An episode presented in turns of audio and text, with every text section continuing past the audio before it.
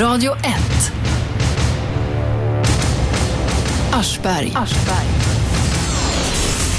Det är, ja, det är varje måndag till fredag 10 till 12 på 101,9 och den eh, kanalen lyssnar ni på i etern över hela Storstockholm.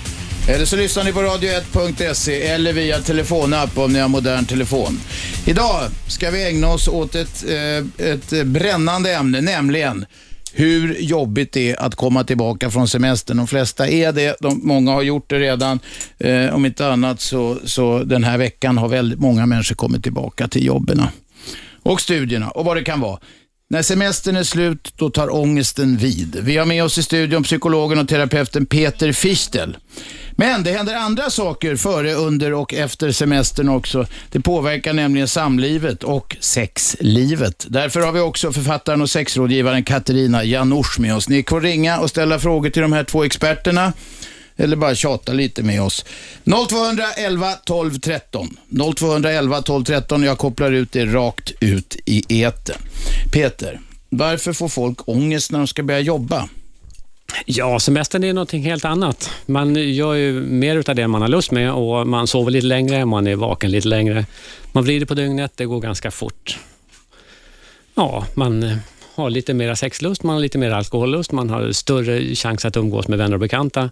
Och många av de där sakerna hinner man inte med när man jobbar. Man har kul helt enkelt. Och då menar du underförstått att man inte har kul när man jobbar alltså? Ja, man har kul på ett annat sätt när man jobbar får fast, man säga. Fast jag tycker inte att det där riktigt stämmer, därför att eh, det är ju många som tycker att det är rätt skönt att eh, komma tillbaka till det vanliga livet, så att säga. Särskilt då om man har haft eh, lunchplikt till exempel. Eh, Man har Vad är, sommarlovslediga... vad är lunchplikt? Ja, det är det här med sommarlovslediga barn som eh, vill äta dygnet runt och eh, typ när man har dukat ut frukost så är det dags att sätta igång med lunchen. När man har dukat ut lunchen är det dags att sätta igång med middagen och det går i ett i köket. Det är inte direkt så att de själva sätter igång och lagar trerätters middag till sina föräldrar utan man får stå och man blir någon slags vandrande hushållsinrättning och eh, de ska roas, de ska underhållas. Regnar det så har de tråkigt, så tjatar de, gnäller och börjar slåss i stugan vad det nu är. Det kan vara ganska skönt när de återgår till Katarina har fem skola ungar. Du skulle ha tänkt på det där innan du skaffade alla ungarna. Ja, men de är lite större nu så att det är okej, men de ska likväl äta och eh, ja, det är lite allt möjligt sådär. Så Men att, de är- ganska skönt att få vara vuxen. I en viss ålder kan de väl lära sig laga sin egen mat? Jo, men de gör det. Men du vet, det blir pizza och kebab och grejer och man kanske Ah, tycker ja. att de ska ha lite mer fibrer och så. De får dra, de får ska dra upp maten ur sjön eller gräva upp den ur jorden och så. Ah, Har gjorde de inte dina lärt det, sig sätta Robban? potatis? Ja, ja, för fan. Ja, de fick eller leva av vad naturen gav. Ja, eller hur, Robban? Mm. Vi håller oss till att komma tillbaka till jobbet. Okej, man har kul på semestern, de flesta har det, men Katarina påpekar att nej, alla har inte det. Vi kommer in på det, men semestern är också en jävla slitningsperiod. Ja, men det är det också i relationen, för det kan, det kan vara ganska påfrestande också att sitta dygnet runt. Nu ska jag bara så här bärsa semestern, men det är bara för att folk ska tycka att det är ganska skönt att gå tillbaka till jobbet. Nej, men alltså att man är tillsammans dygnet runt, det kanske uppstår konflikter, man stör sig, man retar sig, till slut så hela släkten kommer, alla ska vara med och man måste ständigt hålla på, på något sätt fylla den här tiden med någonting. En del tycker faktiskt att det är väldigt skönt att återgå till studierna och eh, till jobbet, om inte bara därför. Vad säger den kognitiva beteendeterapeuten om det här? Du sa att det bara var kul på semestern. Det var sex och sprit och eh, Spriten gör att och... sexen blir dåligt. Ja, det gör det säkert. Ja, nej, jag, jag håller med dig faktiskt. Man får inte utgå för mycket från sig själv. Det är klart det blir slitningar och det finns väl alltid liksom diskussioner om hur länge man står ut med att vara hos släktingarna och hur många timmar kan man vara tillsammans. Och det blir lite extra bråk i familjen. Ja, det är inte nödvändigtvis dåligt, men det är klart det är skönt med vardag också. Jaha, så nu håller vi på att såga av pinnen eller grenen vi sitter på här. Egentligen är det jävligt skönt att komma tillbaka till jobbet. Du doktorn. ser alldeles jättestrålande välmående ut. Ja, tack, tack. Men det är ju bara för att man får lite färg på sommaren. Jo, men det också. Nej, men alltså, jag tror att vi behöver en balans. Jag tror människor blir rastlösa också av att kanske vara för sysslolösa. Det är klart det är underbart med semester och jag älskar ju sommaren och så. Jag tycker det som är mest ångestladdande egentligen, det kanske inte är det att man går tillbaka och ska arbeta, utan det är faktiskt det att vädret eh, blir allt tristare ju längre hösten vi kommer. Det är det tror jag som ger folk mer panik än att man faktiskt måste jobba och, och kanske bryta ledigheten. Att nu försvinner solen, dagarna blir kortare, det blir kallt, det börjar regna, det blir liksom, nu går vi in i åtta månaders mörker. Det tror jag är lite värre egentligen. Hur teraperar man bort sånt då? Ja, det vill jag veta. Ja, mörker. Det gäller att vara ute när det är ljust. Passa på de här ljusa timmarna. Ta lunchpromenader till exempel. Låter jättelätt när man säger det. Jag gör inte jättemånga under ett år.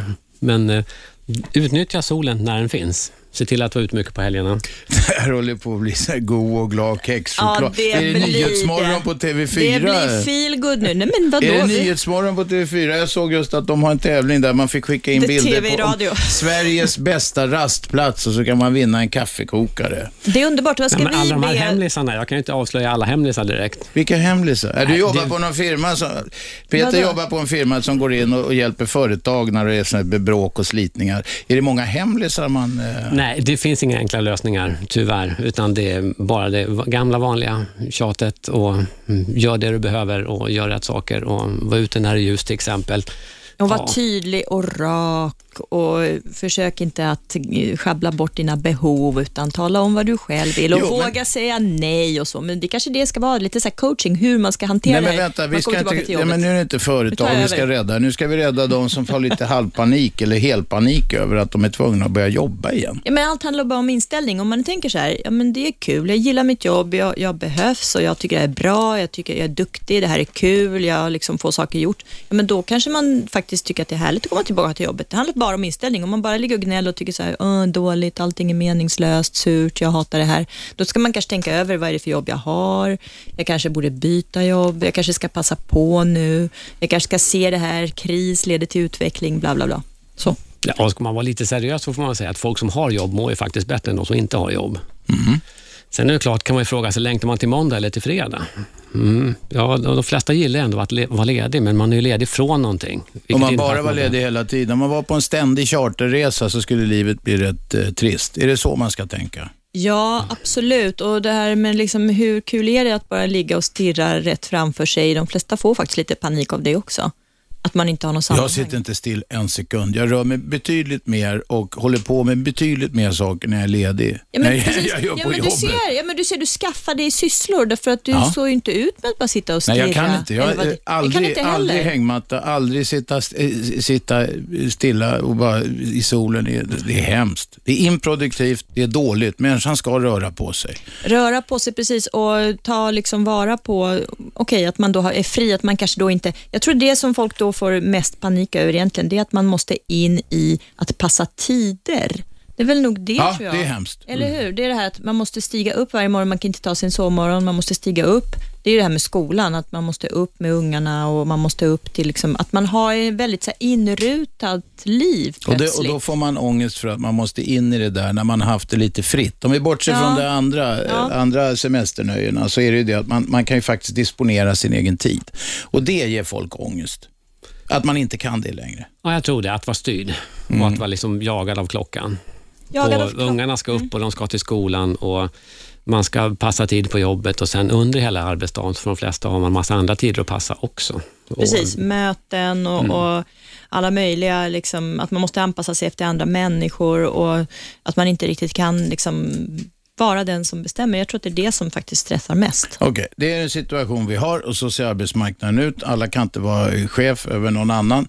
Eh, och alla kan Eller inte flexa. Ja, men du är, du är frilansare men, men, men, men, och du är ju chef över dig själv, men du har ju då, eh, eh, ja, du måste ju ändå dra in kulorna och, och liksom ligga i. Många frilansare ligger ju i ännu mer. De Ja, jobbar åt absolut. sig själva då. Ja, Men i eget företag, då måste man jobba dubbelt i princip. Ja, så är det. Men eh, om man nu inte har det, utan är en löneslav, en enkel löneslav, och då, då sitter man ju i skiten och måste vara där eh, klockan åtta, eller sju, eller åtta, eller nio, eller när man nu börjar. Vad fan börjar folk så tidigt för alltid i, Sverige? På Men det är en gammaldags moral. Det är det här morgonstund, ha guld i mun och det är då man ska liksom, dagen ska dras igång och det är, på något sätt är det någon slags, jag tror att det är bondesamhället som sitter i också, att på morgonen, det är då djuren ska mjölkas och ja, på något sätt, då ska grödan skördas ungefär så liksom, så fort solen går upp så börjar dagen och det bottnar säkert också i att man inte hade elljus, att man var tvungen att ta tillvara de ljusa timmarna. Då var man väl uppe så fort solen gick upp.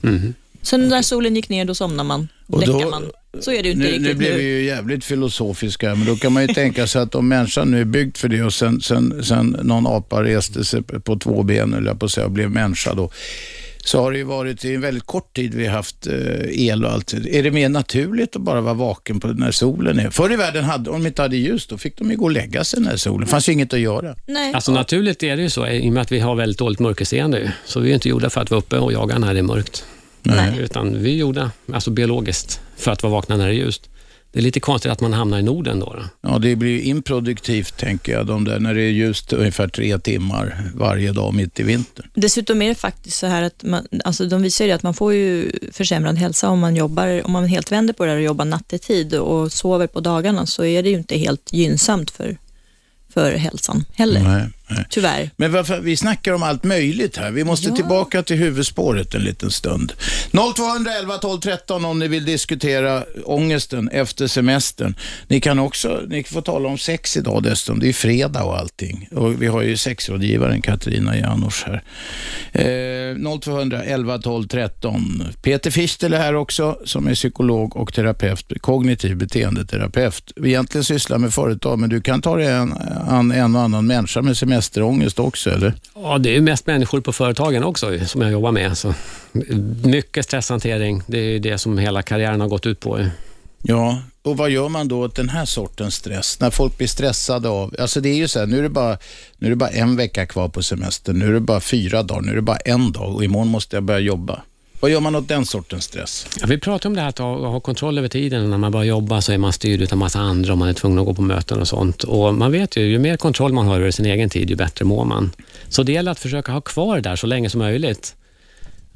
Göra saker utöver, utifrån sitt eget önskemål. Då. Ja, men det där låter lätt. Säg att jag jobbar åtta till fem någonstans. Ja, då måste jag ju vara där. Eh, vad gör jag då? Alltså på, under den tiden kan jag ju inte styra och ställa som jag vill. Nej, någonstans är det då att gilla läget och de sakerna man inte kan påverka får man försöka bry sig lite mindre om. Och så bry sig mer om det, så, de grejerna man kan Så påverka. man ska ägna hela dagen då åt att drömma åt vad man ska göra på kvällen till exempel. Ja, så dagdrömmar ju, har ju visat sig att man mår bra utav, så det är ju inte helt fel.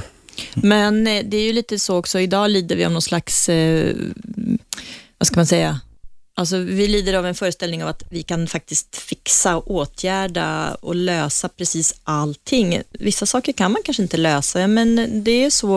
Har man ett arbete som äger rum då på dagtid mellan 8 och 5 och är det det arbetet man har antingen valt eller liksom hamnat i eller så, då kanske man får acceptera att det är då man jobbar, punkt slut. Så får man väl liksom göra andra saker på andra tider eller vad ska man göra? Ska man sitta och plåga sig själv över det och sitta och grubbla över att varför jobbar jag mellan 8 och 5? Ja, men antingen får man då välja att jobba på ett annat, eh, vid en annan tidpunkt eller skaffa sig en annan typ av försörjning eller vad det nu är. Ja, Eller så får man byta acceptera. jobb, det är inte så jävla enkelt om man nu, jag menar det vimlar inte av lediga jobb. Nej, inte som är byta- roligare än det man har kanske.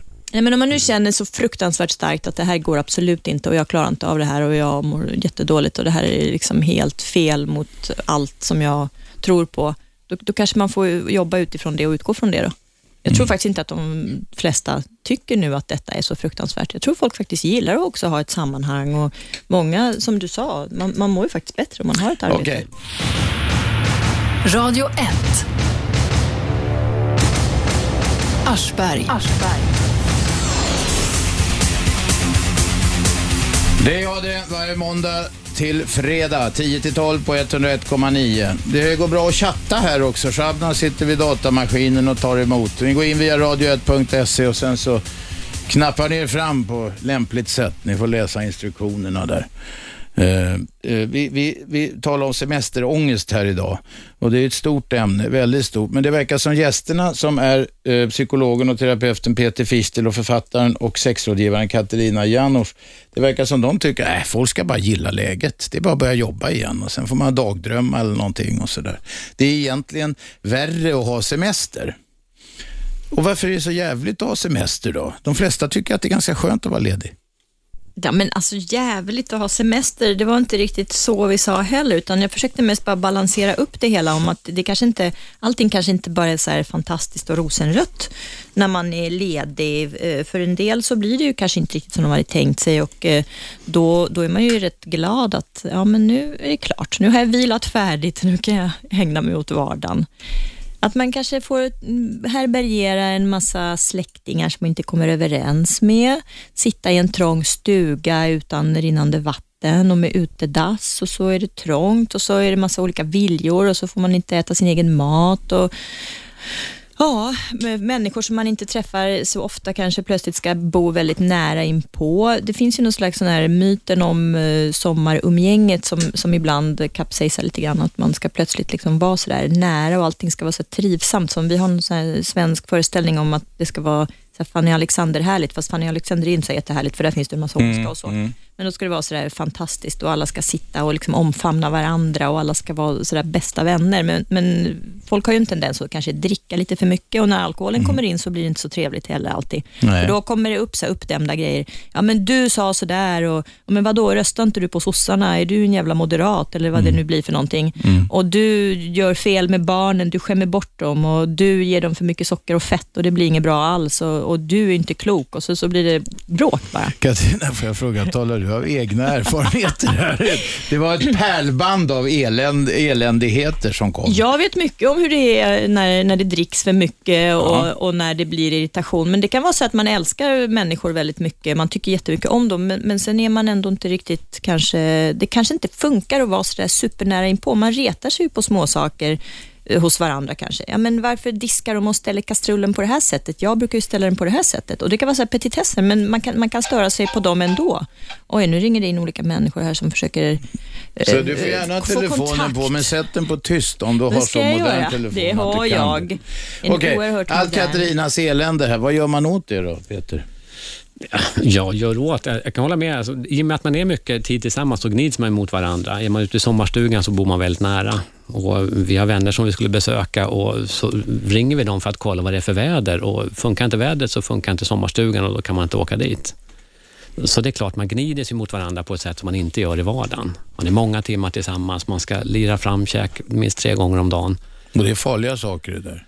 Ja, alltså, alltså konflikterna i sig är ju inte farliga, men det beror på hur man eh, är liksom rustad att hantera dem. Mm. För att bråka lite grann i familjen är väl inte helt liksom dåligt, men eh, man måste ta sig ut på rätt sida också. Mm. Och du Robban, du vet ju själv hur det är med grannfejden till exempel. Bara liksom människor som bor nära varandra fast de inte ens bor i samma hus, utan de bor liksom kanske på samma gata och de klarar inte av att hantera varandras liksom solrosor som växer för långt upp. Eller vad det solrosor tror jag att vi har haft något fall med. Ja, men det kanske kommer. Ja, det kanske ja, men någon har huggit ner någon ja, jäkla björk eller vad det är. och staket och hundar. hundar och, ja, visst, liksom gnälliga ungar. Men där är ju en väsentlig skillnad. De, de, ja, de kan ju bråka som fan om, om, om skitsaker och så och uh, man vet inte vad det, uh, egentligen var det kommer ifrån. Men uh, de är ju liksom inte släkt eller har inte de här banden som gör att de måste, om ni förstår vad jag menar, träffas och trivas. Nej. Ja, men det är ju så med familj. Vi måste åka till eh, mormor och morfar. Vi måste mm. åka till eh, dem och dem. Va? Mm.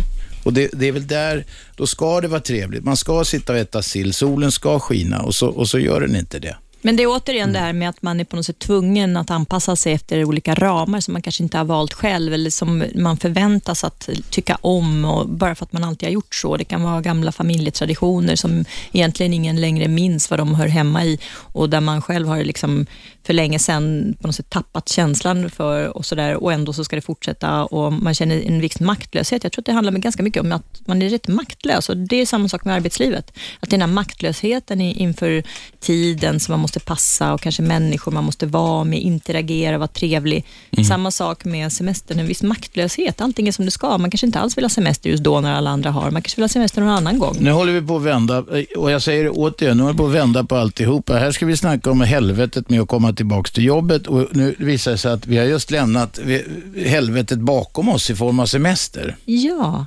Precis. Så, att, så att, det var en stor diskussion i somras. Stor diskussion. Eh, på Ekot kom någon nyhet. En holländsk undersökning hade sagt att det var bättre att ha en lång sammanhängande semester än Stycka upp den. uppstyckad. Va? Och eh, LO-ordföranden Vanja Lundby-Wedin gick ut och sa att ja, det här har vi sagt jämt. Sen visade det sig att den undersökningen var jävligt tafflig och var väldigt löst baserad. Det var hundra intervjuer som någon hade gjort med vänsterhandel eller något sånt där. Så det föll ihop. Det är alltid så på sommaren. Sommarjournalistiken, vet du. Man är ju glad att kunna fylla eh, liksom, medierna med någon, någonting. Rötmånadshistorier man... som det heter. Ja, precis. Mm. 0211 12 13 om ni vill diskutera semesterhelvetet. Vi skulle alltså ha pratat om hur fint det var på semestern och hur jobbigt det var att börja jobba. Nu blir det tvärtom. Ni får, lyssnarna får finna sig i det. Eh, hur påverkar det här helvetet sexlivet då, Katarina? Ja, men alltså det är ju lite grann så här, tidningarna de gillar ju att på något sätt styra upp allting. Så att innan sommaren så blir det så här, ja, nu ska vi så härligt och det står det kanske reportage om hur fantastiskt man ska satsa på varandra och eh, hur sexet ska på något sätt eh, fröjdas under semestern. Och sen eh, då har man trissat upp förväntningarna väldigt mycket på att det ska vara så. Sen kanske det inte alls blir så. Jag det blir jävligt inte. snopet istället. Nej, men då är det så, då ska man verkligen vara med varandra och sen så kanske det kommer upp en massa andra saker. Ja, och du gör aldrig si och du gör aldrig så. Men jag, jag kan säga så här, generellt så kan man väl säga att, att det blir bra när man får vara ledig tillsammans och man ger varandra tid och att man kan faktiskt sitta och umgås. Och man, kan liksom, man, man behöver inte känna den här stressen att man ska gå upp på morgonen, att man inte behöver liksom gå och lägga sig tidigt för att man är så himla trött och att man inte har en massa stress i jobbet som man tar med sig hem, att man faktiskt kan koppla av. Det finns ju en massa annan stress när det gäller sånt. Om man ska ta till exempel en gräsare och det kommer en massa mygg och skit och stör en. Ja, men nu, nu, ska, nu behöver vi inte liksom bara se det negativa. Om nu ska säga bra grejer så är det skönt för att det är varmt och värmen gör ju att man blir mer erotiskt sinnad. Man blir Nu, ju nu, mer är det sex, nu är det sexrådgivningsspalten här. Nu Nu börjar formulär 1 A. Vänta, vi har en lyssnare med. Vem är där? Ja, hej, jag heter Erik. Erik, tala till oss. Hej Erik. Jo, Hej, säg. Nu när du är där så vill jag prata lite snusk här. Ja, passa på, passa på. Ja, titta nu kryper de fram. Mm. Mm. Ja, det är bara det som, det är bara det som Ja, intresserar men låt. Erik tala nu. Ja, ja. Ja. Just det. Eh, semesterbarn, är det barn som är gjorda i juli och är födda i april? Var det där snuskigt? Ja, det, Ja, det, det tycker jag. Okej. Eh, Man kan väl kalla semesterbarn, man brukar väl säga ungefär från midsommar och framåt, alltså kanske så här mellan juni, slutet av juni någon gång, juni och augusti någon gång så. Men juli, absolut, du bara räkna, juli, Ja, ja, men Mars det är nio månader ungefär. från mars. Mars, Jag är född det- i mars. ja precis, och jag är född i februari. Du tillverkades eh, på Frimurarhotellet i Härnösand faktiskt en midsommarhelg. Jaså, ja du ser. Ja, jag har stått utanför den där byggnaden och funderat. Men nu får säga, vad, vad sa du för något Erik? Vad ni om Härnösand? Nej, men vi, Härnösand, nej, det där var ett stickspår. Erik, har du något mer? Vi ska ha nyheter. Du får hänga kvar om du vill. Ja, jag kan inte komma på. Det är nog mycket jag vill ha ut, men jag kan inte komma på. Ja, men fundera på det ett tag så jag sätter dig på vänt så länge. Radio 1. Aschberg.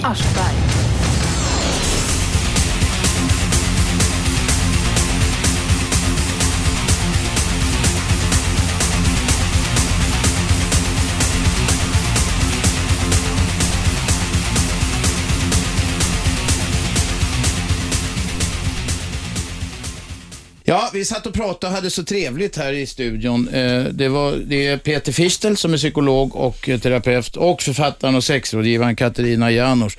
Det är fredag, vi hade jättetrevligt. Jag tror vi missade några sekunder där i. Men vi har med oss Erik på telefon. Erik, är du kvar? Ja, det Var det, var det tyst länge i etern? Vad sa du? Jag satt och somnade här. Lyssnar du på radio eller?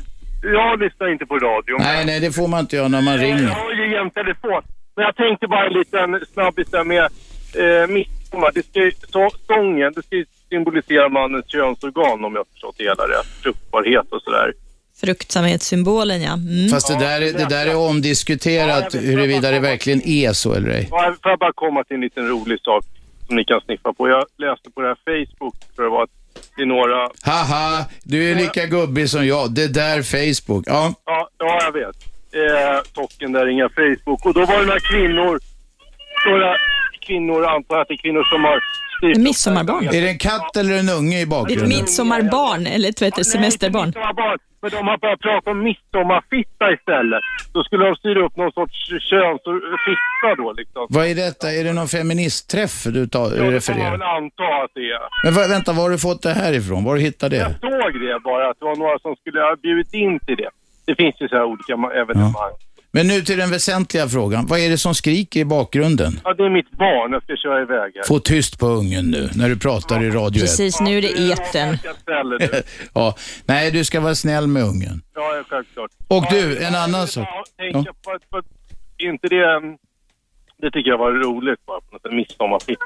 Ja, Man engagerar sig i det. det var väldigt roligt. Vi Det är på väldigt knä. demokratiskt. det var en, men du menar att man skulle bygga då en, eh, någon slags, eh, eller de skulle bygga någon slags eh, symbol för eh, kvinnans kön och Ja. smycka det med blommor. För att det ska bli mer jämställt. Och så ska man dansa Ja, kring. ja, Det, det, det får man väl tro att det är det. Liksom. Det, ja, det kan vi ha som en någon sån här pysselkit till nästa år. Bygg din egen midsommarfitta. Ja, Och sen det så smyckar man den med- det en jättestor som man lövar. Som man lövar och man kan ha den i plast. Den kan vara till salu på Ikea Som man till exempel. majar, majar heter det, när man Man- majar stången. Just Så det är väldigt präktigt att säga att nu ska jag maja stången bara. Ja. Jo. Ja, Ja, det- okej. ja, det var ett tips för alla eh, jämställda människor där ute. Nästa Eller så kan sommar man bygga sig både en midsommarpenis och en, ett min, en midsommarvagina och ställa dem bredvid varandra på gräsmattan och sen kan man då, Då helt, helt dansa jämställt. något slags Ja. midsommarsamlag. Men herregud, det här är ju ett seriöst Eller program. så tar man en flaska brännvin och är som en kar bara. Ja, ja. ja. Mm. Nu håller det på att segla ut redan. Vi har bara in en halvtimme här och det på att segla ut fullständigt. Ja, Erik, kör försiktigt. Ja, det ska jag göra. Tack. Ja, Ta hand om barnet. Så. Ta, ta hand om barnet för helsike som sitter och skriker i baksätet. 0211 12 13. Jag eh, måste erkänna, eh, det är ju fredag så det är tillåts. Jag vet inte längre vad det här programmet handlar om. Vi skulle börja med att tala om semesterångest. Sen säger gästerna att semestern är ett helvete och sen börjar någon ringa in och tala om konstiga midsommarstänger. I princip får ni väl ringa om vad som helst, men vi försöker hålla oss till huvudspåret. Hur hanterar man att börja jobba igen efter semestern och hur hanterar man semestern? När Ja. den jävlas. Precis. Ja, nej men alltså att börja jobba, jag tycker ju att man ska mjukstarta och vara lite snäll mot sig själv, tycker jag. Man ska, man ska försöka vara lite, man, man, ska, man ska klappa lite medhårs och dalta lite och pyssla lite och vara lite vänlig, göra det skönt för sig. Kanske I upp lite- övergången menar du, från I- semester ja, till jobb? alltså i övergången men också lite grann sådär generellt eh, för under hösten. För att många människor är ju sådär, när det blir nyår, då har man liksom avgett en massa nyårslöften och nu ska man starta ett nytt liv och det ska liksom, allting ska på något sätt bli annorlunda och nytt och fräscht. Och det Så- funkar aldrig. Nej, och då efter en månad så har det fallerat. Men jag tycker att man kan liksom Mm. köra istället så här, någon slags, i brytningen mellan sommar och höst så kan man köra någon slags här, Mjukt. lite mjukt och snällt mot sig själv. Mjukt och kanske inte så hårda löften utan, utan mer liksom lite så här snälla. Ja, okej. Vem är med på telefon? Janne Konradsson här. Janne, tala till oss. Hej Janne. Ja, hej. Eh, jo, det här med att semestern tar slut. Det, många tror jag ser lite för långsiktigt. De tittar bara fram på att en grå, regnig och trist höst och så en kall och vidrig vinter med snö upp till knäna och 20 grader kallt. Så att eh, det är väl därför som många får ångest för att börja jobba igen. Och det har du Men, tänkt eh, ut. Janne, det har du tänkt ut nu. Va? Det har du tänkt ut. Ja, så, så tror jag att det fungerar. Ja, det är väl in, in, ingen orimlig hypotes. Istället för att ta en dag i taget menar du att man bara ska liksom tänka till den här stunden som man har? Jo, men liksom, det finns ju mycket fint på hösten. Man kan komma ut och plocka blåbär och svamp och det är fina kvällar och man kan sitta och ha det mysigt tillsammans. Och på vintern så finns det mycket fint att se fram emot också. Ja, Men, men Snö. små ljuspunkterna som ligger framför en under hösten och vintern, det, det tittar inte folk på utan det är bara det här gråtrista och tråkiga och jobbiga. Och då blir det långt till semestern, till nästa års semester och... Eh, har du, har du familj? Har du familj, Janne? va? Har du någon familj? Ja, jag har en fru och två barn och en katt. Hur resonerar ni hemma nu? Nu blir det höst och då, nu ska vi vara positiva. Vi tänker på att vi ska kunna plocka svamp och sitta och mysa och så. Tänker ni så? Ja. Ja, och sen kommer vintern då. Sen, sen på jobbet så finns det ju mycket positivt också med alla jobb. Men det finns ju de som bara fokuserar på allting som är negativt. Då. Ja, vad jobbar du med? Jag sitter och kör buss. Ja, Började 5.19 i morse. Sen eh, har man då rätt som... åt- 7.48 började lunchen. ja just det. En buss 7.48, Ja, men jag har kört buss själv en gång i tiden. Det är jättekonstiga tider. 7.48 börjar lunchen och den är slut när? Eh, 8 och eh, 46 slutar Och- lunchen. Du har, du har 62 minuters lunch alltså? Nej, han har 58 minuters lunch. 58 minuter. 58 blir det, just det. Kan du inte gått- räkna Nej, dem, men, va? eh, men Katarina har gått i läroverk. ha 11 minuters paus va? när jag ska kunna gå på muggen eller fika eller vad, vad det nu är. Va? Så- 11 minuter, då får Och man vad inte kör du- ha förstoppning. Nej, men jag, nej, det får man inte ha. Men vad, vilken buss är det du kör? Är det i Stockholm eller? Ja, det är massa olika. Jag kör ut till Huddinge-Botkyrka. Just nu så kör jag linje 172 mot Norsborg. Jaha, just den linjen ja. Jag tycker det låter som att du har en skitskön inställning. Har du själv några liksom, grejer alltså med kort sikt som du ser fram emot? Jo, men, men fokuserar man på det som är positivt med jobbet istället för att titta bara på allting som är negativt med att det är väldigt inrutat och så här. Så jag trivs jättebra. Man träffar jättemycket trevliga människor. 99,98 procent är jättebra människor. Du är ju som klippt och skuren för att bli busschaufför. När jag körde buss, äh, jag talar om det här i stenåldern, eller krita eller djura eller något. Jag, jag hatade alla passagerare. Jag körde, sopor, jag körde sopor innan, de snackade inte emot i alla fall. Nej, men nu, Robban, inte ska vara så här kärringen mot strömmen. Men jag tycker det är så här, vet du vad? Jag tycker man blir glad när man går ombord på en buss och så är det en trevlig, men herregud, ursäkta inte mig. slå men av jag den har ju slagit telefonen? av den, men den fortsätter att ringa. Nu ska vi se här. Jo, jag skulle säga så här, man blir faktiskt jätteglad när man går ombord på en buss och eh, möts av ett vänligt leende och, och en trevlig kommentar och någon som är lite, kanske lite flörtig till och med och, och som är uppmuntrande istället för att mötas som någon så här surmök som bara sitter och ser förbannad ut. Ja, men blir det är klart, det är Ja, men klart. vad är det frågan om? Alltså, ska man ha ett serviceyrke där man möter människor, då måste man ju vara trevlig. Janne, Ja, Nu försvann den i en du tunnel. glädje så att du har glädje. Vad kör du i en tunnel? vad sa du? Var du inne i en tunnel?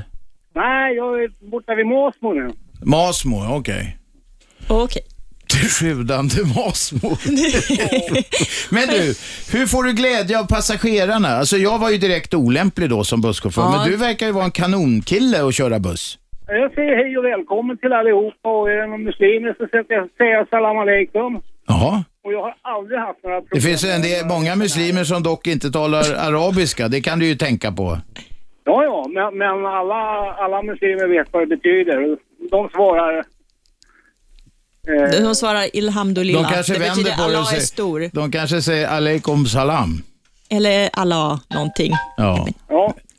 Ja, och just det. Hur tar du andra grupper av människor? Om det kommer några fimpajsare, vad säger du då? ja, jag säger väl hej och välkommen till dem också. Är huvudet Eive. Ja, Eiver, just det, just det. Ja, det är bra. Vad- vad- vad- jo, men om jag alltså ska sammanfatta här nu Janne. Du tycker att man ska ta det positivt, leta efter ljuspunkter.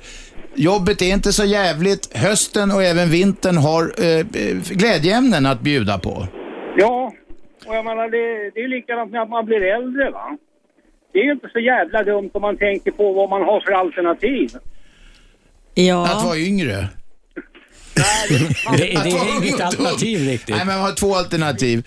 Eh, man kan dö och det lär vi väl tyvärr göra allihopa förr eller senare. Men det, det är det du menar, det är ett dåligt alternativ. Ja. Oavsett om vi blir äldre eller yngre så dör vi till slut. Ja. Ja, Ja, men du har helt rätt inställning med att se saker på lite kortare sikt. Hitta roliga grejer som ligger nära i tiden och inte titta långt bort på det som är tråkigt. Skitbra tips, jävligt enkelt. Svårt att få det att Men funka. det, nej, men det är lätt att säga va? Jag vet. Janne, hur gör man för att, att tänka som du gör? ja jag vet inte. Man, jag tror att det har med vad man har för grundinställning till livet och sig själv och sina medmänniskor. Men det är också en övningsfråga faktiskt. Man Alltså, kan öva också. sig i det. Man anpassar sin hjärna till ett tänkande, därför att hjärnan är en ganska lättstyrd kroppsdel faktiskt, till skillnad från vad många tror. Man kan, man kan öva från andra upp kroppsdelar. Den, till skillnad från ja. vissa kroppsdelar. Men eh, det är som att man kan gå på gym och träna upp musklerna, så kan man faktiskt gå på någon slags mentalt gym eh, i, hos sig själv och träna upp sig så att man faktiskt funkar på ett lite gladare sätt. Ja. Blir man glad, skrattar man så, så blir Ja. man glad om man drar upp Janne, läpparna i ett leende. Kör försiktigt. Ha det så bra. Tack för Ha det bra samtalet. Janne, hej då. Vem är med här? Ja, hej, det är Hector här. Hector. Du Hej. brukar ringa va? Ja, jo, jag tänkte... Ja, det har vi inget emot. Kom igen. Jag först tänkte jag inte ringa, men sen tänkte jag kanske det är bra Ja. jag ringer. Ja, men det är bra tycker jag. Hur tänkte du då? Det är så här, det här med semestern. Ja, Eh, jag håller med den här eh, ringare som ringde innan. Janne. Ja. Janne. Han, eh, jag har faktiskt samma inställning. Jag, ser, jag jobbar på en yrkes... Eh, jag har ett arbete som är serviceinriktat. Alltså, måste, man måste vara serviceinriktad. Mm. Och jag, Får jag fråga vad det är du gör? Det, jag jobbar som spärrexpeditör i tunnelbanan. Ja, okej. Och eh, jag tycker att det är en underbart jobb. Ja. Framförallt med på grund av att jag har jobbat förut som andligt coach. Och då leder jag människor och hittar liksom... Andlig coach. Ja. Det Jaha. Bytte du liksom spår? Att, ja, det betyder liksom att... Var du präst eller någonting? Äh, Vad, vad sa du? Du var inte präst eller något sånt där? Test? Präst? Prost? Nej, nej, nej, nej, nej, nej, nej, nej, nej, inte And- viset. ja. alltså, För att vara andlig coach så behöver du inte gå på universitetet. Nej, det var inte Herren Jesus och sånt med i Nej, bilden. det har inte, det har absolut inte att göra med religion alltså. Det har med andligheten att göra. Mm. Alltså att lära sig livets gåta och varför befinner vi oss här. Nu, nu, hallå, Hector, Hector, Hector. Livets gåta. Gåta. Säga hej och förlåta, hur var det nu? Nej men allvarligt, Hector. Ja. Vi, vi Skratta, ska ha lite glömma och reklam nu. förlåta. Häng kvar, därför jag vill höra mer om livets gåta. Ja, men det är skratta, glömma och förlåta. Nej, nej, du tänker på en gammal ramsa. Ja, exakt. Ja. Radio 1. Aschberg. Måndag till fredag 10 till 12 på 101,9 i Storstockholmsområdet. Det betyder upp till Norrtälje ungefär från Stockholm och sen så lika långt söderut. Annars kan ni lyssna på radio1.se eller via telefonapp Radio 1. Gratis och bra app är det. Ni kan också chatta och kitta och twittra och ja, typ i alla fall något sånt. Och det, det gör ni. Shabnam sitter vid datorn. Är det något Shabnam eller det är lugna gatan idag va? Nej, det enda som... Du måste prata i micken. Här är den. Ja, Uh, Helen tyckte att man skulle börja det lugnt. Det var... man ska Man ska börja lugnt. Börja Arbetsveckan. Ja, ja. Ja. Man ska simma lugnt. Hector! Hector, är du kvar? Hallå, Hector? Hector vill inte tala mer om andlighet. Men nu undrar jag om jag är någon jävla spak jag har rört här i pausen. Nej. Hector? Hector skulle ju berätta livets gåta för oss. Allting ser rätt ut här. Nej men Hector, ring om då. Det är något vaj här. Livets gåta hade Hector löst. Jag vet inte vad han, Han hade kanske för... blev upptagen i spärren nu. Ja just det, han var ju Mm. spärrvakt fast nu heter det spärrexpeditör va? Nej, hette det, hette det biljettcoach? Ja, det kanske det var. Fast han sa något med expeditör. Men han hade varit andlig rådgivare förut. Hector, ring oss igen. Ska vi se om det är Hector som ringer. Hallå? Ja, hallå. Är det Hector? Nej, det här är någon annan. är det inte. Det är faktiskt Ingegärd. Jag måste lägga mig i det här med andligheten. Tjenare Ingegärd. Men vänta, ja okej, vi Ja, vi accepterar. vill gärna att du lägger i med andligheten. Kom igen då. Ja, för det är ju det som fattas hos varenda individ alltså. Jag menar om man har en andlighet, alltså man behöver inte springa i kyrkan för det, men det bygger man ju upp själv genom kunskaper alltså. Och då har man ju ro i sin själ och sin kropp. Så att, och, det, och du som sa hjärnan, hjärnan bestämmer ju allting. Minsta lilla grej du gör så är det hjärnan som bestämmer allt. Ingegärd, Ingegärd, du brukar ju vara rätt så framgångsrik eh, eh, enligt din egen utsago på Ja, det mesta du tar dig för. Få höra nu hur du tränar din hjärna då. För jag tränar mina, dels läser jag mycket och dels håller jag på med korsord och så lyssnar jag ju på alla sorters program. Men då har jag ju läst mycket kunskaper, både psykologi och filosofi och lyssnat på de programmen ideligen och läst böcker, alltså både kyrkans och alla möjliga böcker och samlat kunskaper alltså. Ja, du är spränglärd. Ja, alltså jag försöker och försöker alltså hela tiden bygga upp mina kunskaper. Och hjärnan, det har ju varit så mycket om hjärnan så att man, hur kan man ha missat det alltså? Men nu för- ställde jag en ganska rak och enkel fråga. Hur trän, alltså du tränar hjärna, det gör du genom att läsa böcker då? Ja, och så lösa korsord och lösa sudoku. Ja, ja, Men vad okej. har korsord med andlighet att göra? Jag, jag, jag, jag hänger inte riktigt med. Via eh, kyrkböcker också. Läser du kyrkböcker? Jajamensan, jag har Men- läst Men kyrkböcker, det är såna här listor på folk som föds och dör och sånt där. Jag har allt läst. Jag har läst massor med eh, präster som skriver om andlighet och alla möjliga böcker har jag läst. Du menar andlig litteratur? Vilken är den, vi, Ja, andlig litteratur ja. Och vilken då- är den bästa andliga bok du har läst? herregud. Ingegärd, Ingegärd, den bästa andliga boken? Jag kan, ja, jag, det måste jag titta i min bokhylla förstår du. Jag kan inte säga det på rak arm. Men det är ju det som fattas hos människor. Och ni förstår, jular och påsk och alla stora helger. Då är ju folk tar ju mest livet av sig. För de är ensamma och de vet inte vad man ska göra. Men de kanske kan, de, om vi tipsar dem om nu att de kan lösa korsord och sådär, så det ju jättebra att läsa böcker. Det är Ja. det som fattas människor, att de läser Ja, inte tillräckligt mycket litteratur. Det är ju det som... Och de skulle läsa lite mer psykologi. Jag har ju läst mycket av den här prosten, finska prosten. Han... han, han Den var- finska prosten. Vad är det han heter, du vet som är biskop i Gotland. Han har en jäkla bra bok, vet du. Han har ju skrivit om företags eh, eh, psykologi och så att vara... Vi har ju Peter här, han håller ju, jobbar ju med företagspsykologi. Ja, precis. Och Har du läst, Peter, vänta ett tag vet Håll, det. håll, Ingegärd, stand by lite. Eh, Peter, har du läst den finska prosten från Gotland? Nej, men jag kan inte säga att jag känner igen honom. Jag tror inte att man ska underskatta människors andlighet heller. Och sen måste man Men komma ihåg... Ingegärd, släpp in killen som sitter i studion. här. En liten Peter. kortis bara. Jag, alltså, att träna hjärnan kan man göra på massa olika sätt. Ett sätt är att få intellektuellt liksom, stimulans genom att läsa böcker. Men man kan också träna hjärnan genom att gå i trappor till exempel. Jobba med olika... Liksom, Vänta, genom att gå i trappor? Ja, man var ju tvungen att träna koordinationen då till exempel. Och balansförmågan. Ingegärd, I- Ingegärd, du kan inte bara prata i mun på folk hela tiden, därför då är det ingen som hör vad du säger. Ja. Vi, vi saktar ner lite grann bara. Vad skulle du säga för någonting? Nej, man kan ju träna hjärnan på massa olika fysiologiska sätt också. Vi har liksom, hjärnan består ju framförallt av väldigt mycket liksom representation för hur vi ska röra kroppen. Och, och olika koordina, koordinationsövningar till exempel.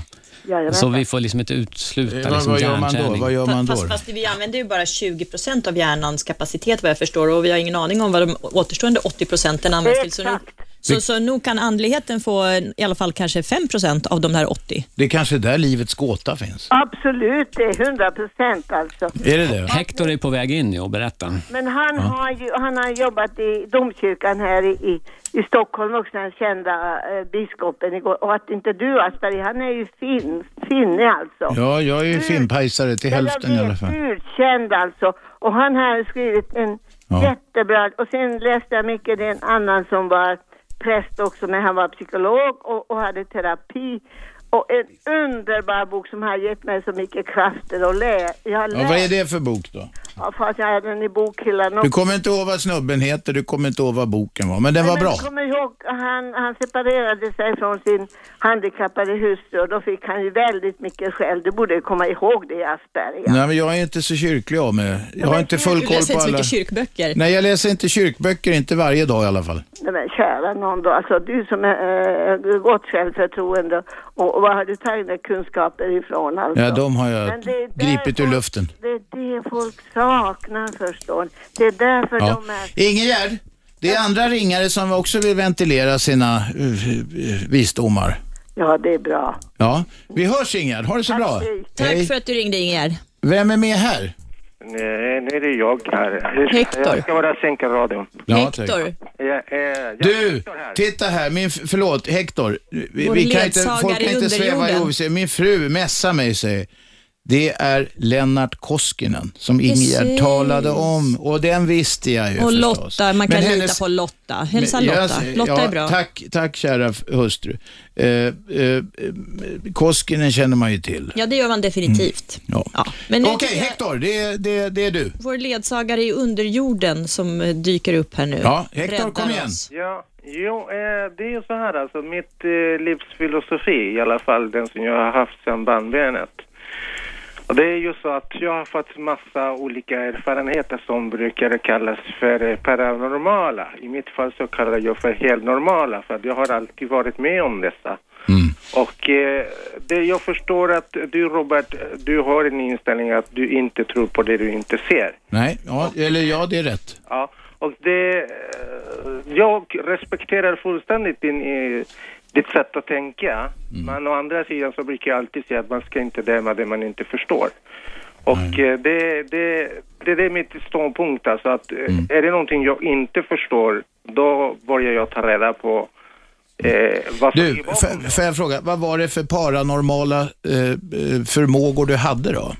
Eh, förmågor har vi, dessa förmågor har vi alla. Vi fäster ju med... Vänta, vänta, vänta. Jag kommer ta dig mer konkret på. Jag vill veta om du kunde få grejer att sväva och sånt. Vi ska ha nyheter nu. Hector, du får hänga kvar igen. Nu, nu ska vi inte tappa dig. Försök att inte försvinna bara igen. Nej, ja, du ska inte försvinna. Det var inte vi som gjorde att du försvann. Det var du själv. Det kanske var någon av de där förmågorna eller något. Eller någon som... Häng kvar nu Hector.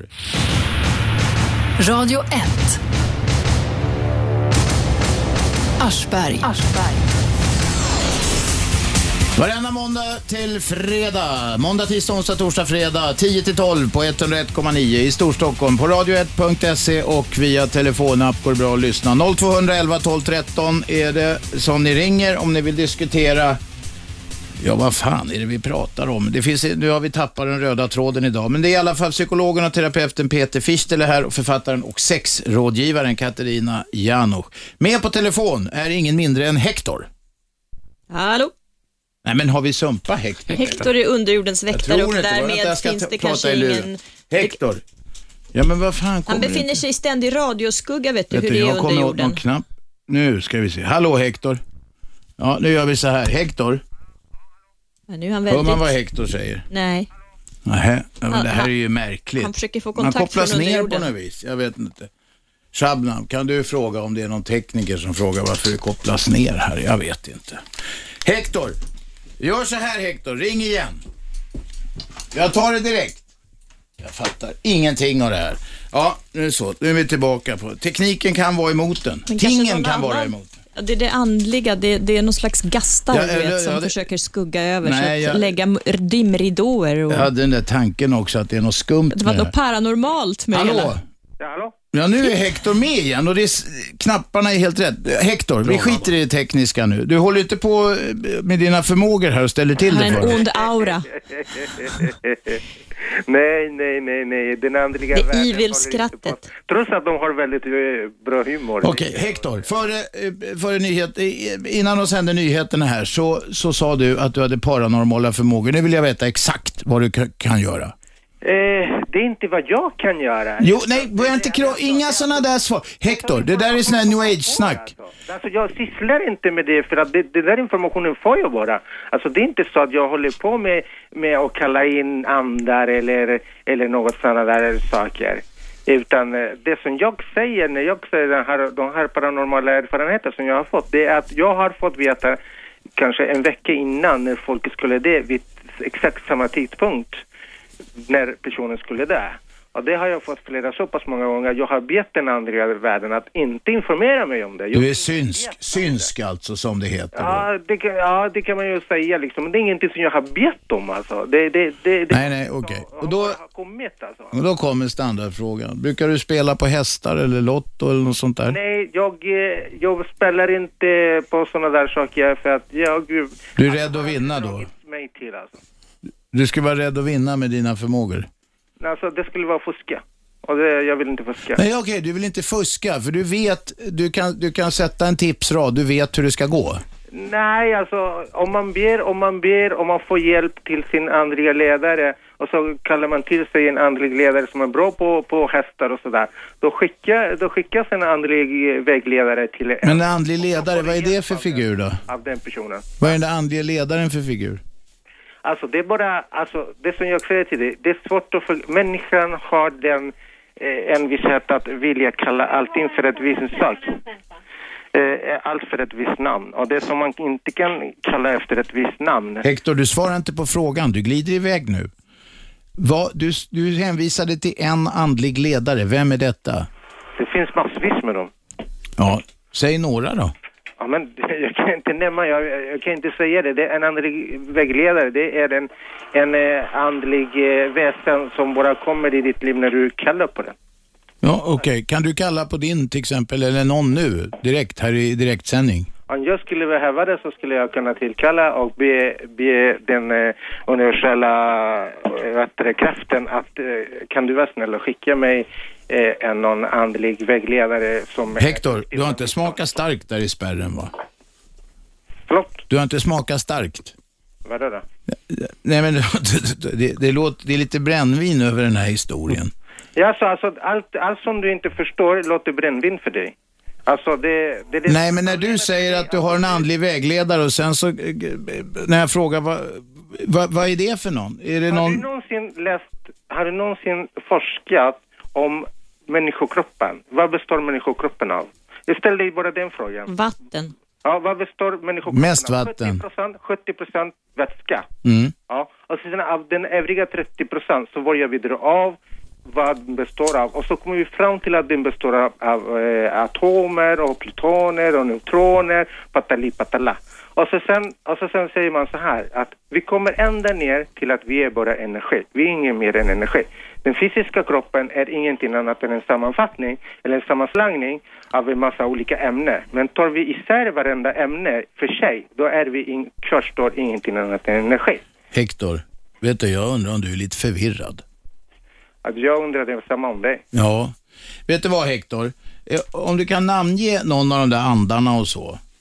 Då, det, då skulle jag kanske inte tro på dig, men jag skulle få ett spår och försöka bena upp det här och ta det på allvar och se om det är något. Men jag tycker du ställer motfrågor och börjar fråga vad kroppen består av och sånt där bara. Jo, men det, det är det jag försöker förklara för dig, att när man fokuserar det, det, på det fysiska som enbart fysisk, självklart så har man väldigt svårt att inse att det finns även andra parallella världar. Får jag fråga, nu, ligg lågt en stund Hector. Nu ska vi, jag vill ha studiogästen här. Peter, eh, tror du på andar? Det är klart det finns någon slags andlighet och det här att man inte liksom, eh, tror på det man inte förstår, det är klart det ligger någonting i det och tittar vi historiskt så är det massa saker som vi i historien inte har förstått och förstår idag. Och att eh, kroppen skulle vara någonting mer än bara massa biokemi. Men- men- men, men det finns ingenting som... förstår saker Ja, måste hörni, det väl inte hörni, vara andar? Hörni, hörni, andar och andlighet, vi, vi blandar inte ihop saker. korten va?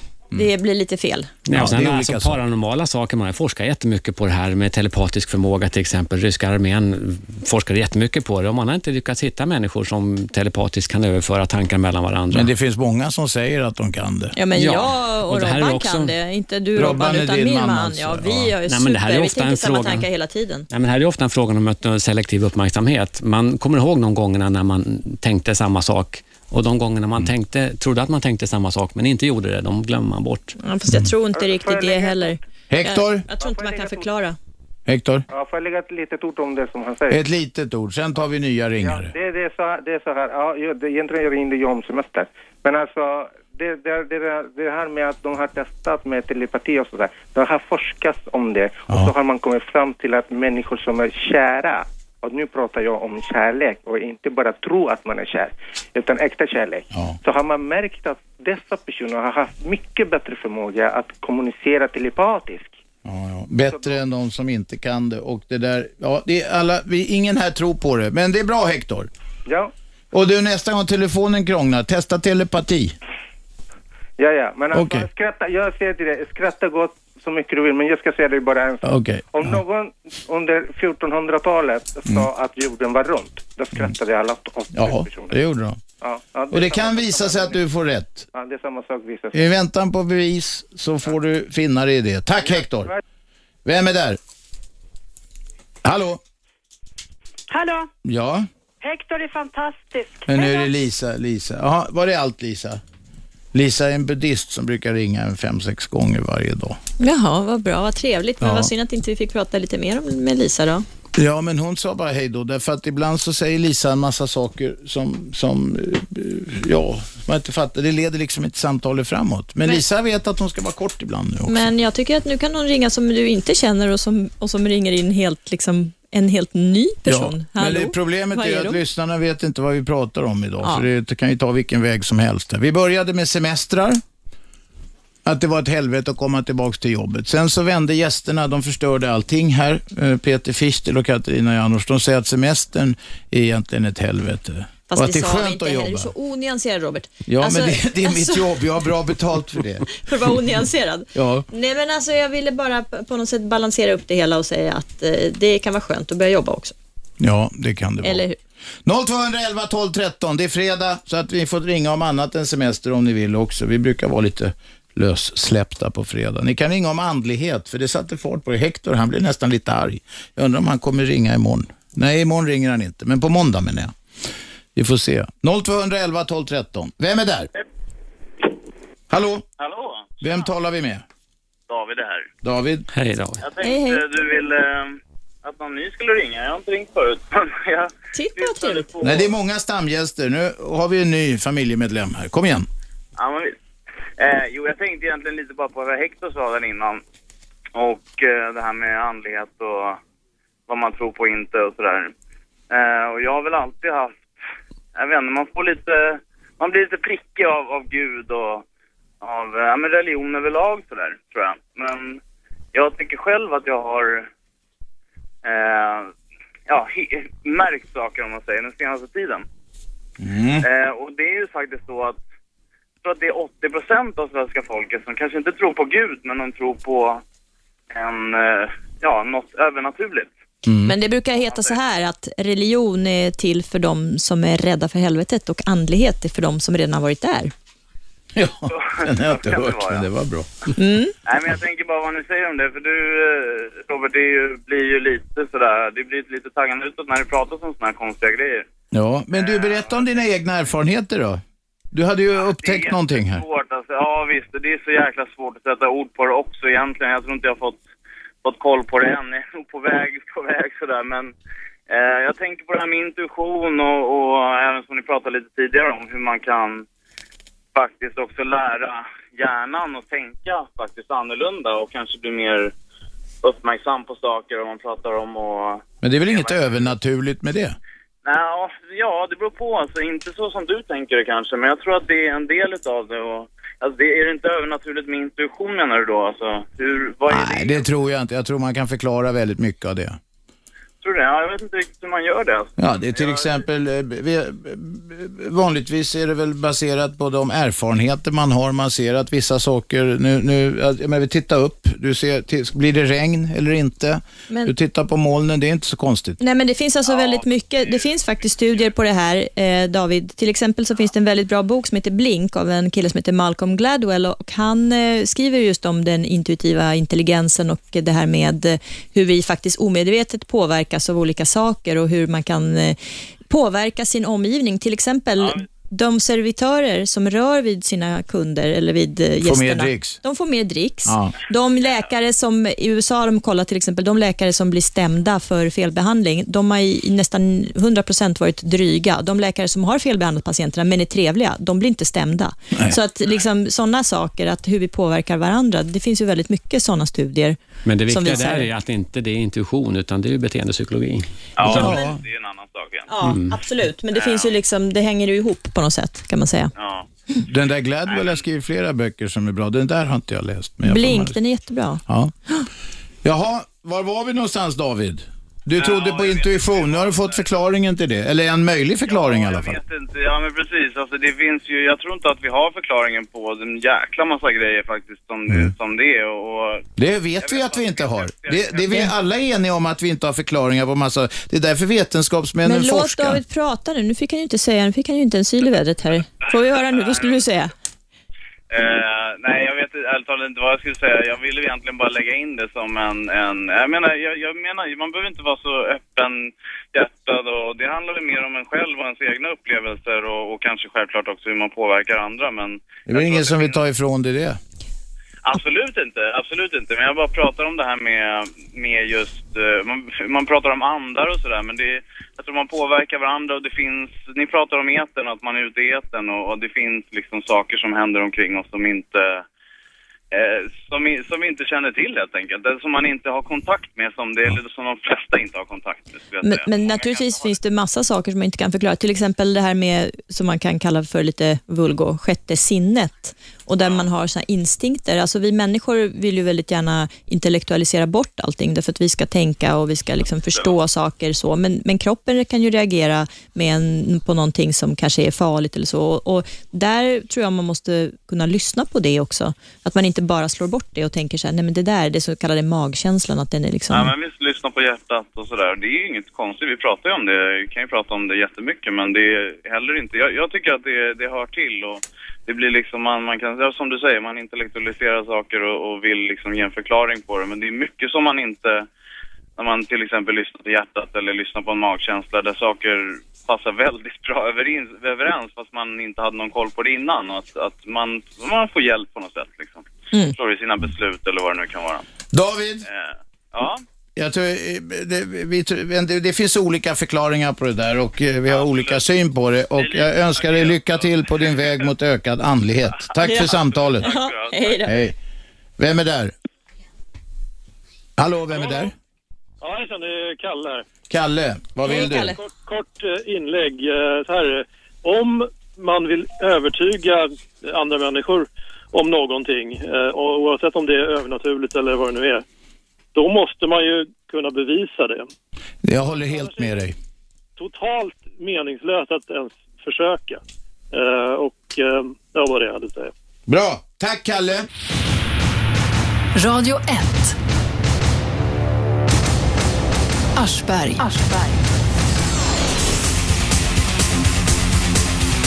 Det är jag det.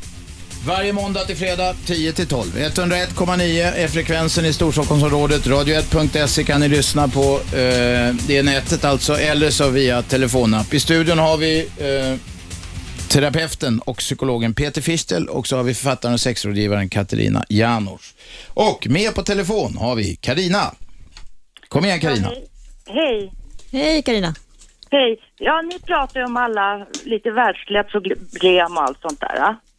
Och jag har en tanke då. Om vi lånar ju bara den här jorden medan vi går här. Eller hur? Ja, jo, jo, visst. Vi äger ju inte den. Nej, nej, okej. Fortsätt resonemanget. Ja, och om alla då vore vänliga mot varandra oavsett ras och hudfärg och allting, var man än kommer, Ja. då skulle, och vi lärde det till varann och till våra barn istället för att sitta och prata massa skit när vi sitter och tittar på TV, att titta och säga den är si och den är så, utan behöll det inom oss själva och tänkte gott istället. Då tror jag att många problem skulle lösas så småningom.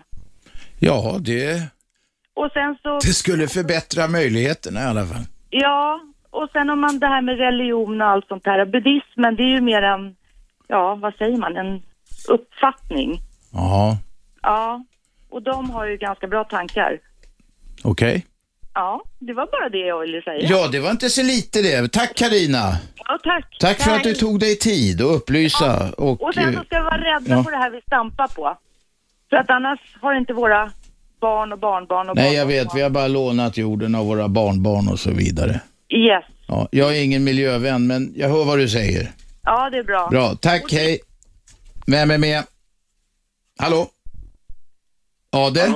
Ade sa du förut, va? Ja, kom igen. Hallå?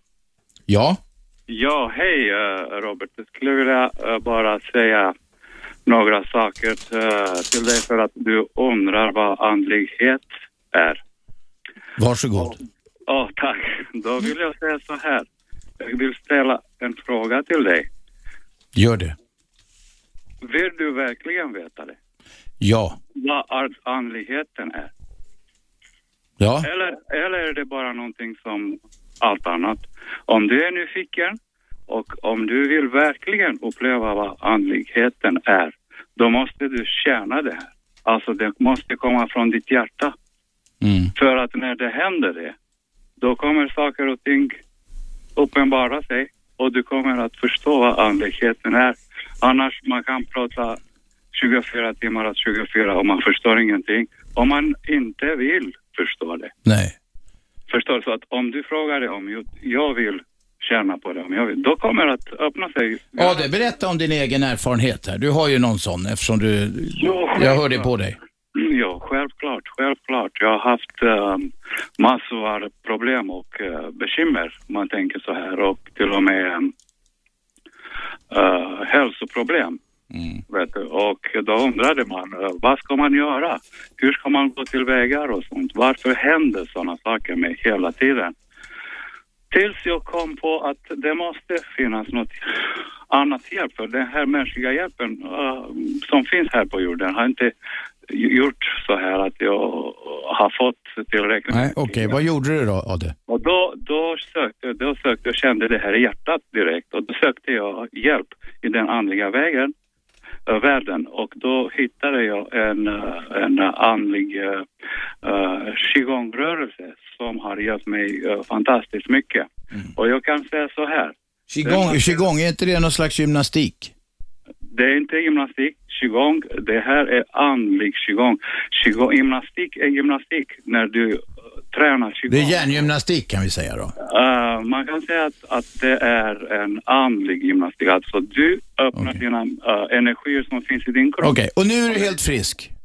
Och nu säger jag så här, jag har, jag har, uh, det, det vill jag vill säga, jag har uh, förstått eh, det eh, qigong har gjort och följt efter. Det är bara tre ord jag vill säga. Och det kallas för sanning, godhet, tålamod. Sanning, godhet, tålamod. Goda, ja precis. Bra. ja, precis. Jag följer i allt jag gör Mm. genom att eh, vara sann, tänka på andra mer än någonsin och sen ha mycket tålamod med allt som händer runt omkring. Ja det, vilka bra tips. Tack ska du ha. Fortsätt ringa 0200 11 12 13. Sanning, godhet, tålamod. Det är det vi visar varenda dag. Måndag till fredag, 10 till 12 i det här programmet. Radio 1. Aschberg.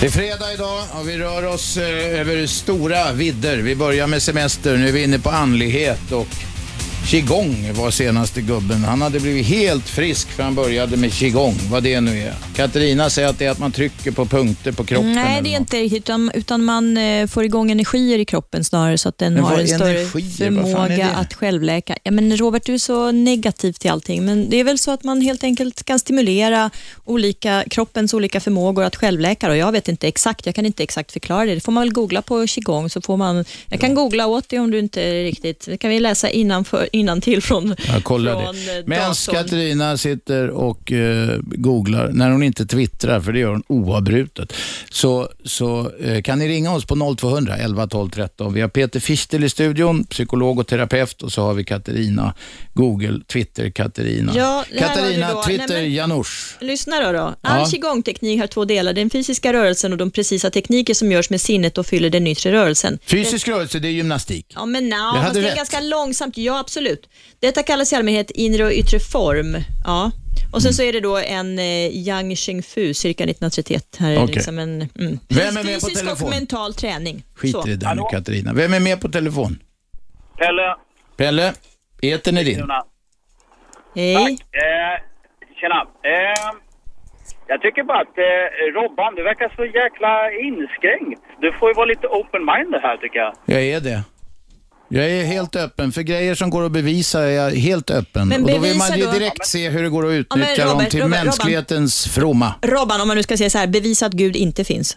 Nej, det kan jag inte. Nej. Jag, nej, men Ja, jag har men- inte sagt heller det. Men de som, det är väldigt många som hävdar att han eller hon eller vad det nu är finns. Men de har väldigt svårt att leda det i bevis. Jag, jag säger inte att han, jag kan inte säga säkert. Det vore ju väldigt ovetenskapligt att säga så. Det är väldigt mycket som vi inte kan säga helt säkert. Däremot så kan vi ju då till exempel slå fast eh, olika saker om människokroppen och så, om naturen och så. Ja, Men och det, det finns ju många andra saker som vi liksom tror och det är olika tankar och det, det ena kan stå mot det andra på något sätt. Absolut. Pelle? Alltså det, det, är lite grann, det är lite grann som när, när Galileo, när han eh, för 500 år sedan eller när han höll på. Det var inte menar, 500 år sedan kan jag säga. Det var, det var längre tillbaks. skrattar ju åt honom och han på bål och allt möjligt. Mm. Eh, och Och det bevisar nu att eh, all sån här andlighet, att det stämmer. Nej, absolut inte. Men det är många nya idéer som människor är skeptiska mot och så har det ju alltid varit. Ja. För att man kanske har svårt för att tro på saker och så. Nu försöker Ja. man liksom vara lite grann, jag försöker Ja. liksom lite grann vara diplomatisk här. Man ska vara, ett öppet sinne. Tar vi, tar vi akupunktur till exempel. Det är Ja. ingen som kan förklara det. Men, men när läkarvetenskapen använder det, jag menar, de kan inte förklara men de vet att det funkar. Men det är en placeboeffekt många gånger därför att man tror att det ska fungera och då gör det det. Och det visar ju att tankens kraft är väldigt stark, att vi kan faktiskt tänka Mm. olika saker och därmed få eh, ibland Akupunktur, resultat. akupunktur används i Sverige i vissa speciella eh, tillfällen. I Kina eller på vissa, eh, används det för att bota allt möjligt och det eh, eh, säger åtminstone eh, den västerländska medicinen att det är trams. Ja, men det är det inte. Västerländsk medicin och eh, jag kan ju säga så här, medan kineserna och asiaterna höll på med saker så gick vi omkring och bodde i grottor här, så jag Nej, tror inte vi ska avfärda deras det där- vetenskap. nej, men jag avfärdar inte vetenskap. Jag säger att den västerländska medicinen säger att det är trams. Katarina, om du blev allvarligt sjuk, skulle du gå till en akupunktör eller skulle du gå till eh, sjukhuset, Södersjukhuset som ligger alldeles bredvid? Ja, jag är inte helt övertygad alltid om svensk sjukvårds förträfflighet faktiskt. Jag kanske skulle söka mig någon annanstans, men det beror ju naturligtvis helt på vilken typ av åkomma. Jag tror en del saker som där man till exempel har värk och så i kroppen, så tror jag absolut att akupunktur kan vara bättre än en skolmedicin. Hjälper till exempel. Det, hjälper det så kan jag tycka att det är jättebra. Jag och då tycker har det allt som hjälpt hjälper är jättebra. Bra. Pelle? Ja. Yes. Ja, du tyckte att... eh, Ja, men jag ska... Nej men det är bra, bra. Du fick en liten, vi fick en liten öppning där tyckte jag. En liten öppning. Det finns ljus i tunneln. Ja, det är bra. Eller så är det ett mötande tåg. Tack Pelle. Vem är där? Ja, hej. eh, Mitt namn är Ingmar. Ingmar, du kan vara en trevlig människa för det. Tala till oss. Eh, Jag tycker att det med andlighet och allting, jag tycker det är ganska korkat. Det finns inget bevis för något av det hela. Eh, religion, Gud. Jag menar, om människor skulle dö och sen eh, skulle bli någonting efter det, varför kommer de inte tillbaka våra nära och kära säger som det skulle vara? Det här kommer hända efter döden. Ingmar, du är min kille. Ja, tack Robban.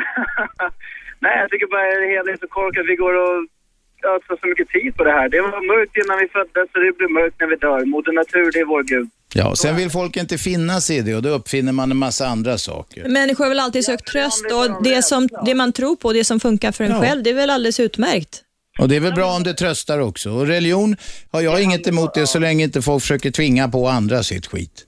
Nej, men religions... Alltså det känns bara som att eh, man försöker eh, övertala sig att någonting kommer hända efter döden för att man är rädd för döden. Men eh, sanningen är att det blir svart. Men lev och låt leva. Fast du Ingmar, om vi ska vara riktigt vetenskapliga... lever när man lever. Ingmar, om vi ska vara riktigt vetenskapliga så kan vi ju inte säga att vi vet det förrän...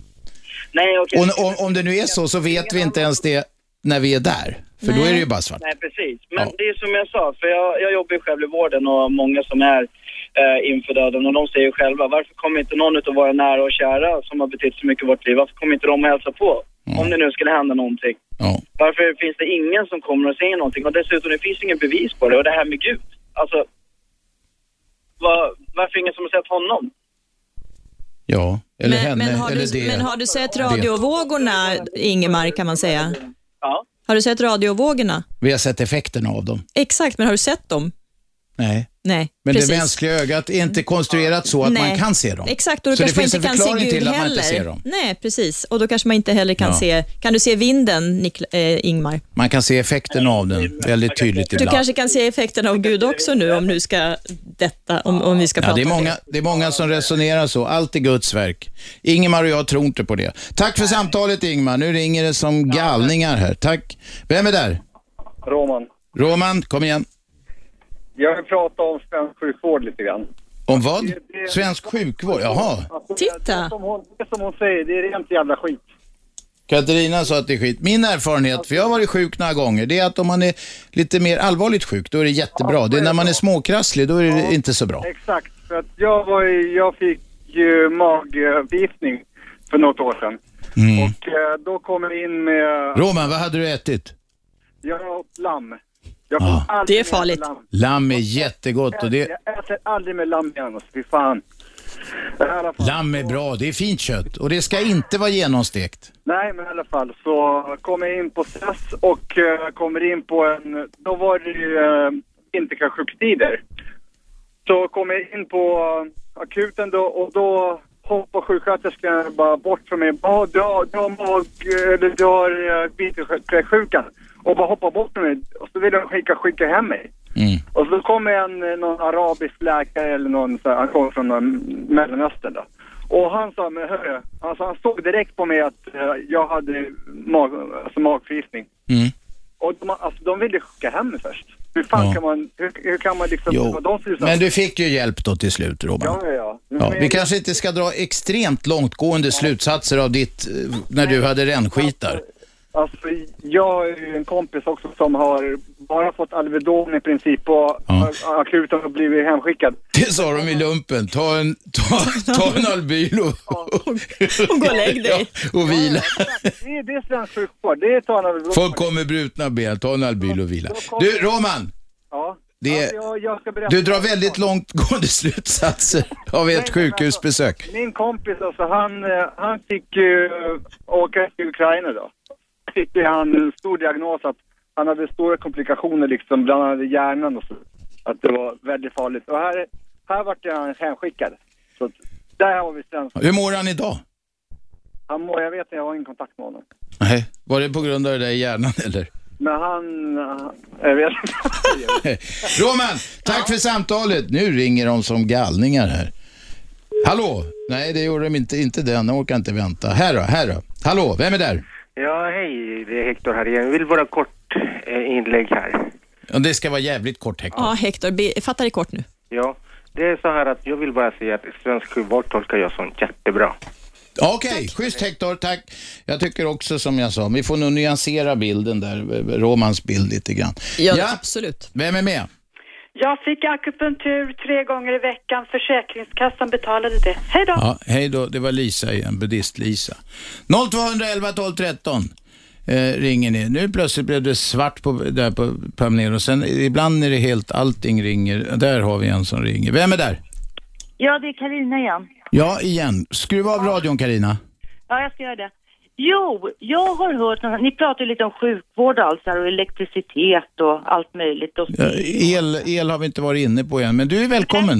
Ja, nej men när jag läste till undersköterska så sa de att alla sjukdomar, alltså 80 procent är psykosomatiska och sitter upp i huvudet. Och 20 procent är väl fysiska. Benbrott är väl inte psykosomatiska till Nej, exempel? det är fysiskt. Men alltså du kan ju få ont i magen och det blir fysiskt också. Mm. Och, då, och sen så lärde jag mig även att när någon dör så släpper man ut anden genom fönstret. Mm, det finns en tradition, vissa människor gör det, vill gärna öppna ett fönster och sådär. Och det är väl lite sådär andlighet som... Och sen, jag vet inte om det är någon av dem som kan svara på det som sitter där i studion, men sen har jag också hört att det finns lika många stjärnor i himlen som det finns döda själar.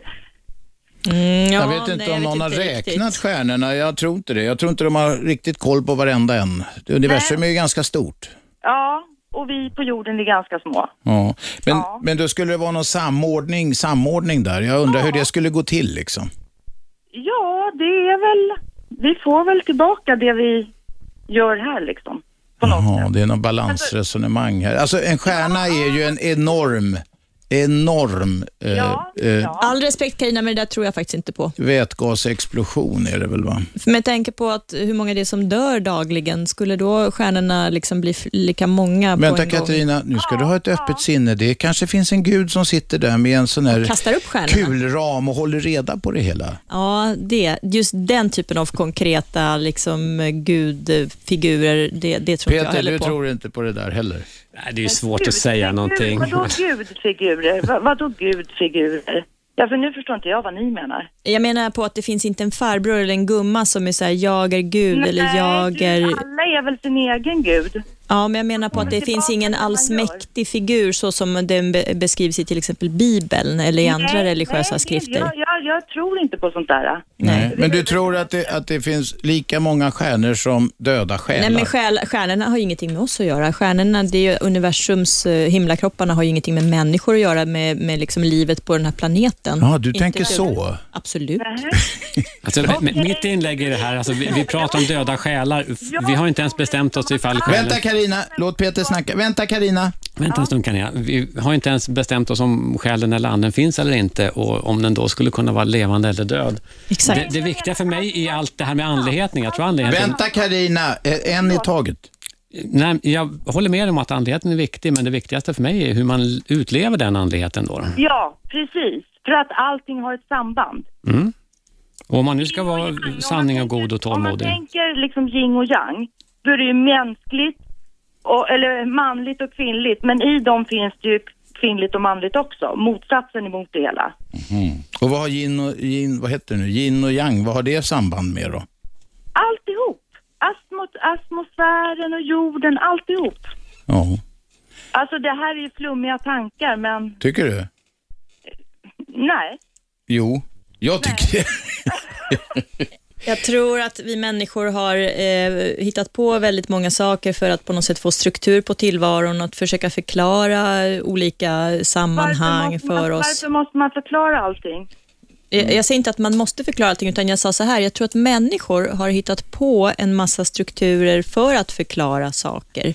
Därför att människor vill gärna göra det. Det är därför vetenskapsmän finns, det är därför eh, forskare finns, det är därför eh, upptäcktsresanden finns. Därför att man är vetgirig, människan är ju nyfiken Det är väl bra. Ja, men så har det alltid varit. Ja, men det är väl bra. Det Ja, det förbättrar ju tillvaron för mänskligheten. Det förbättrar ju för människor. Jag tror, jag tror ändå på det där att vi ska försöka, om alla lärde sina barn att vara goda från början, inte att retas och man får ha olika hudfärg och allting, då tror jag ändå att det skulle bli bättre. Det har du sa du förra gången du ringde och ingen säger emot. Alla är helt eniga i detta. Precis. Fundera på det där lite mer då, för jag är ingen vetenskapsman, men jag Nej, tror nej. att det får jorden att fortsätta Du, vi ska fundera så det knakar mellan öronen här. Tack för samtalet. Ha det bra, hej då. Vem är där? Ha, vem talar vi med? Vem? Billy. Uh, Vem? kvinnan, kvinnan som var inne... Vä- Vänta, säg namnet så jag hör det. Billy, Billy. Billy, ja, förlåt mig. Vet du vad Billy? Ja, Du står på tur. Du vänta Billy, du står på tur, men vi ska ha reklam. Kan du vänta en liten stund? Jag väntar, det är inga problem. Vänta, bra. Det är, jag heter Aschberg, detta är Radio 1. Billy är på vänt. Radio 1. Aschberg. Slutspurt i fredagens program. 101,9 Sveriges nya pratradio i Storstockholm. Och så kan ni lyssna på radio1.se också och via appen. Varje måndag till fredag 10 till 12. Det kan inte nog inpräntas. Med på telefon har vi Billy. Billy, kom igen. Ja, hon som pratade innan, hon snackade om att det finns lika mycket stjärnor som döda själar, eller hur? Ja, Hon menar att en död själ blir en stjärna, eller hur? ja hon sa så. Men eh, kom inte stjärnor före människan liksom. så, där sprängde jag hennes teori. Kom inte... Jag hängde inte med. Nej men stjärna blev ju före människan, så hur blev den första stjärnan liksom, utan en stjärna? Ja, ja, du menar att då spricker hennes resonemang. Precis. Bra, du är snabbtänkt. I alla fall, kan inte vi byta samtalsämne till utomjordingar nu med tanke på 2012 och sånt där? Det är intressant. Finns det liv ute i liksom galaxen och så vidare? Finns det liv i rymden? Den kan vi ta, Shabnam, ta den, den är kul. Ja, den är rolig. Den är jag kul. tror att det finns, om, om man tar lite matte liksom, så finns det ju flera miljarder stjärnor i den här galaxen och det finns ju flera miljarder galaxer liksom. Alltså finns det liv där ute, eller Ja, men vadå? vi som människor är så himla självcentrerade. Här Ja. sitter vi på vår lilla planet och går omkring och tror att vi är på något sätt liksom skapelsens krona och det enda som ska finnas. Naturligtvis finns det liv på andra planeter. Det, det säger ju sig självt. Varför skulle bara vi finnas i hela den här enorma eh, universum? Mm. Och jag tycker folk börjar acceptera det mer och mer liksom. Nu, Vatikanen till och med, vet du, Vatikanen har till och med accepterat det liksom, att det kan finnas, men Att Vatikanen accepterar det har väl ingen betydelse överhuvudtaget, anser jag. Nej, men men, men... Nej, nej, precis. Men de var så trångsynta förut. Jag menar att det finns en förändring som händer nu. Eh, för 50 år sedan hade man sagt i Sverige så skulle man bli kallad eh, en eh, lunatic och så vidare. Så det är det jag menar. För 50 år sedan hade de inte, använde de inte ordet lunatic sådär till Nej, men- dagligdags. nej, nej, inte vet heller. Ja. I alla fall, men eh, jag tror att det finns, jag tror det finns mycket, mycket, mycket smartare civilisationer än oss. Ja. tror jag. För vi är ganska nya om man tar, alltså vi, en genomsnittscivilisation, de sa det, om vi tar tanke på att det finns andra civilisationer, så är genomsnittsåldern på en civilisation en miljard år. Ni kan tänka Genos, vänta ett tag. Man räknar ut gen, då vet man om andra civilisationer, x antal sådana. Sen har man någon satt sig ner och räknat ut genomsnittsåldern Ja, och kommit fram till att det är en miljard år.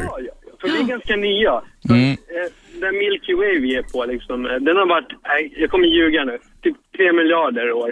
Eh, Och eh, genomsnittsgalaxen är typ 8-9 miljarder Ja. år gammal. Jag tycker att vi talar lite för lite sex här, ja. Ja, jag tycker ja. att det är dags, Robert, att du, du Ja. drar in på ett litet stick. Katarina vill ner mellan naveln och knäna här igen. Ja. Tack för samtalet Billy.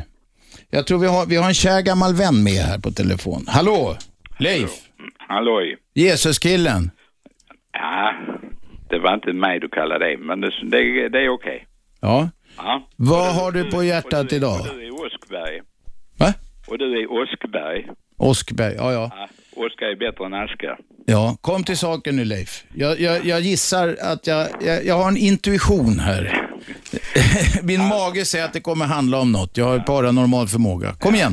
Nej, alltså eh, jag har hört nu flera gånger på radion och på TV hur de ekonomiska experterna uttalar sig över att de vet helt enkelt inte hur de ska klara av det. Och det var senast igår i, i eh, TV.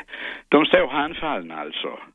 Och då tänker jag på det här eh, bibelordet där det står att människorna ska stå eh, handfallna vid havets och vågornas dån. De ska inte veta hur de ska klara av det. Och det behöver ju inte vara det vattniga havet så att säga. Det kan vara det ekonomiska havet.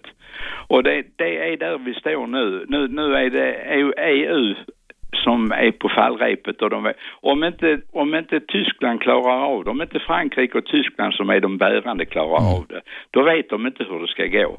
Och lösningen Leif? Ja, och så säger, och så är det många jag har hört som säger att vi måste få ett nytt penningsystem.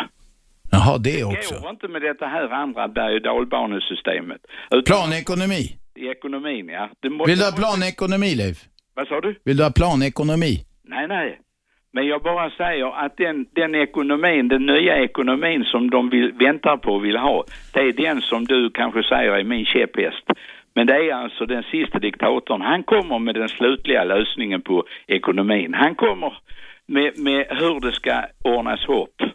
Leif. Och det är märket på handen och pannan. Ja, ja. Och det märkliga är att detta står tydligt och klart i Bibeln och det är eh, profetiorna, det stämmer hela vägen. Och lika väl som människor, de, de Leif, bryr sig inte. Leif, bilen, går, det, det, Gud, om jag minns rätt var det så att Gud pekar på en begagnad bil, du köpte den och den bara går och går. Går den fortfarande? Ja, men, du, den börjar rosta så att jag ser fram emot ett bidrag från dig.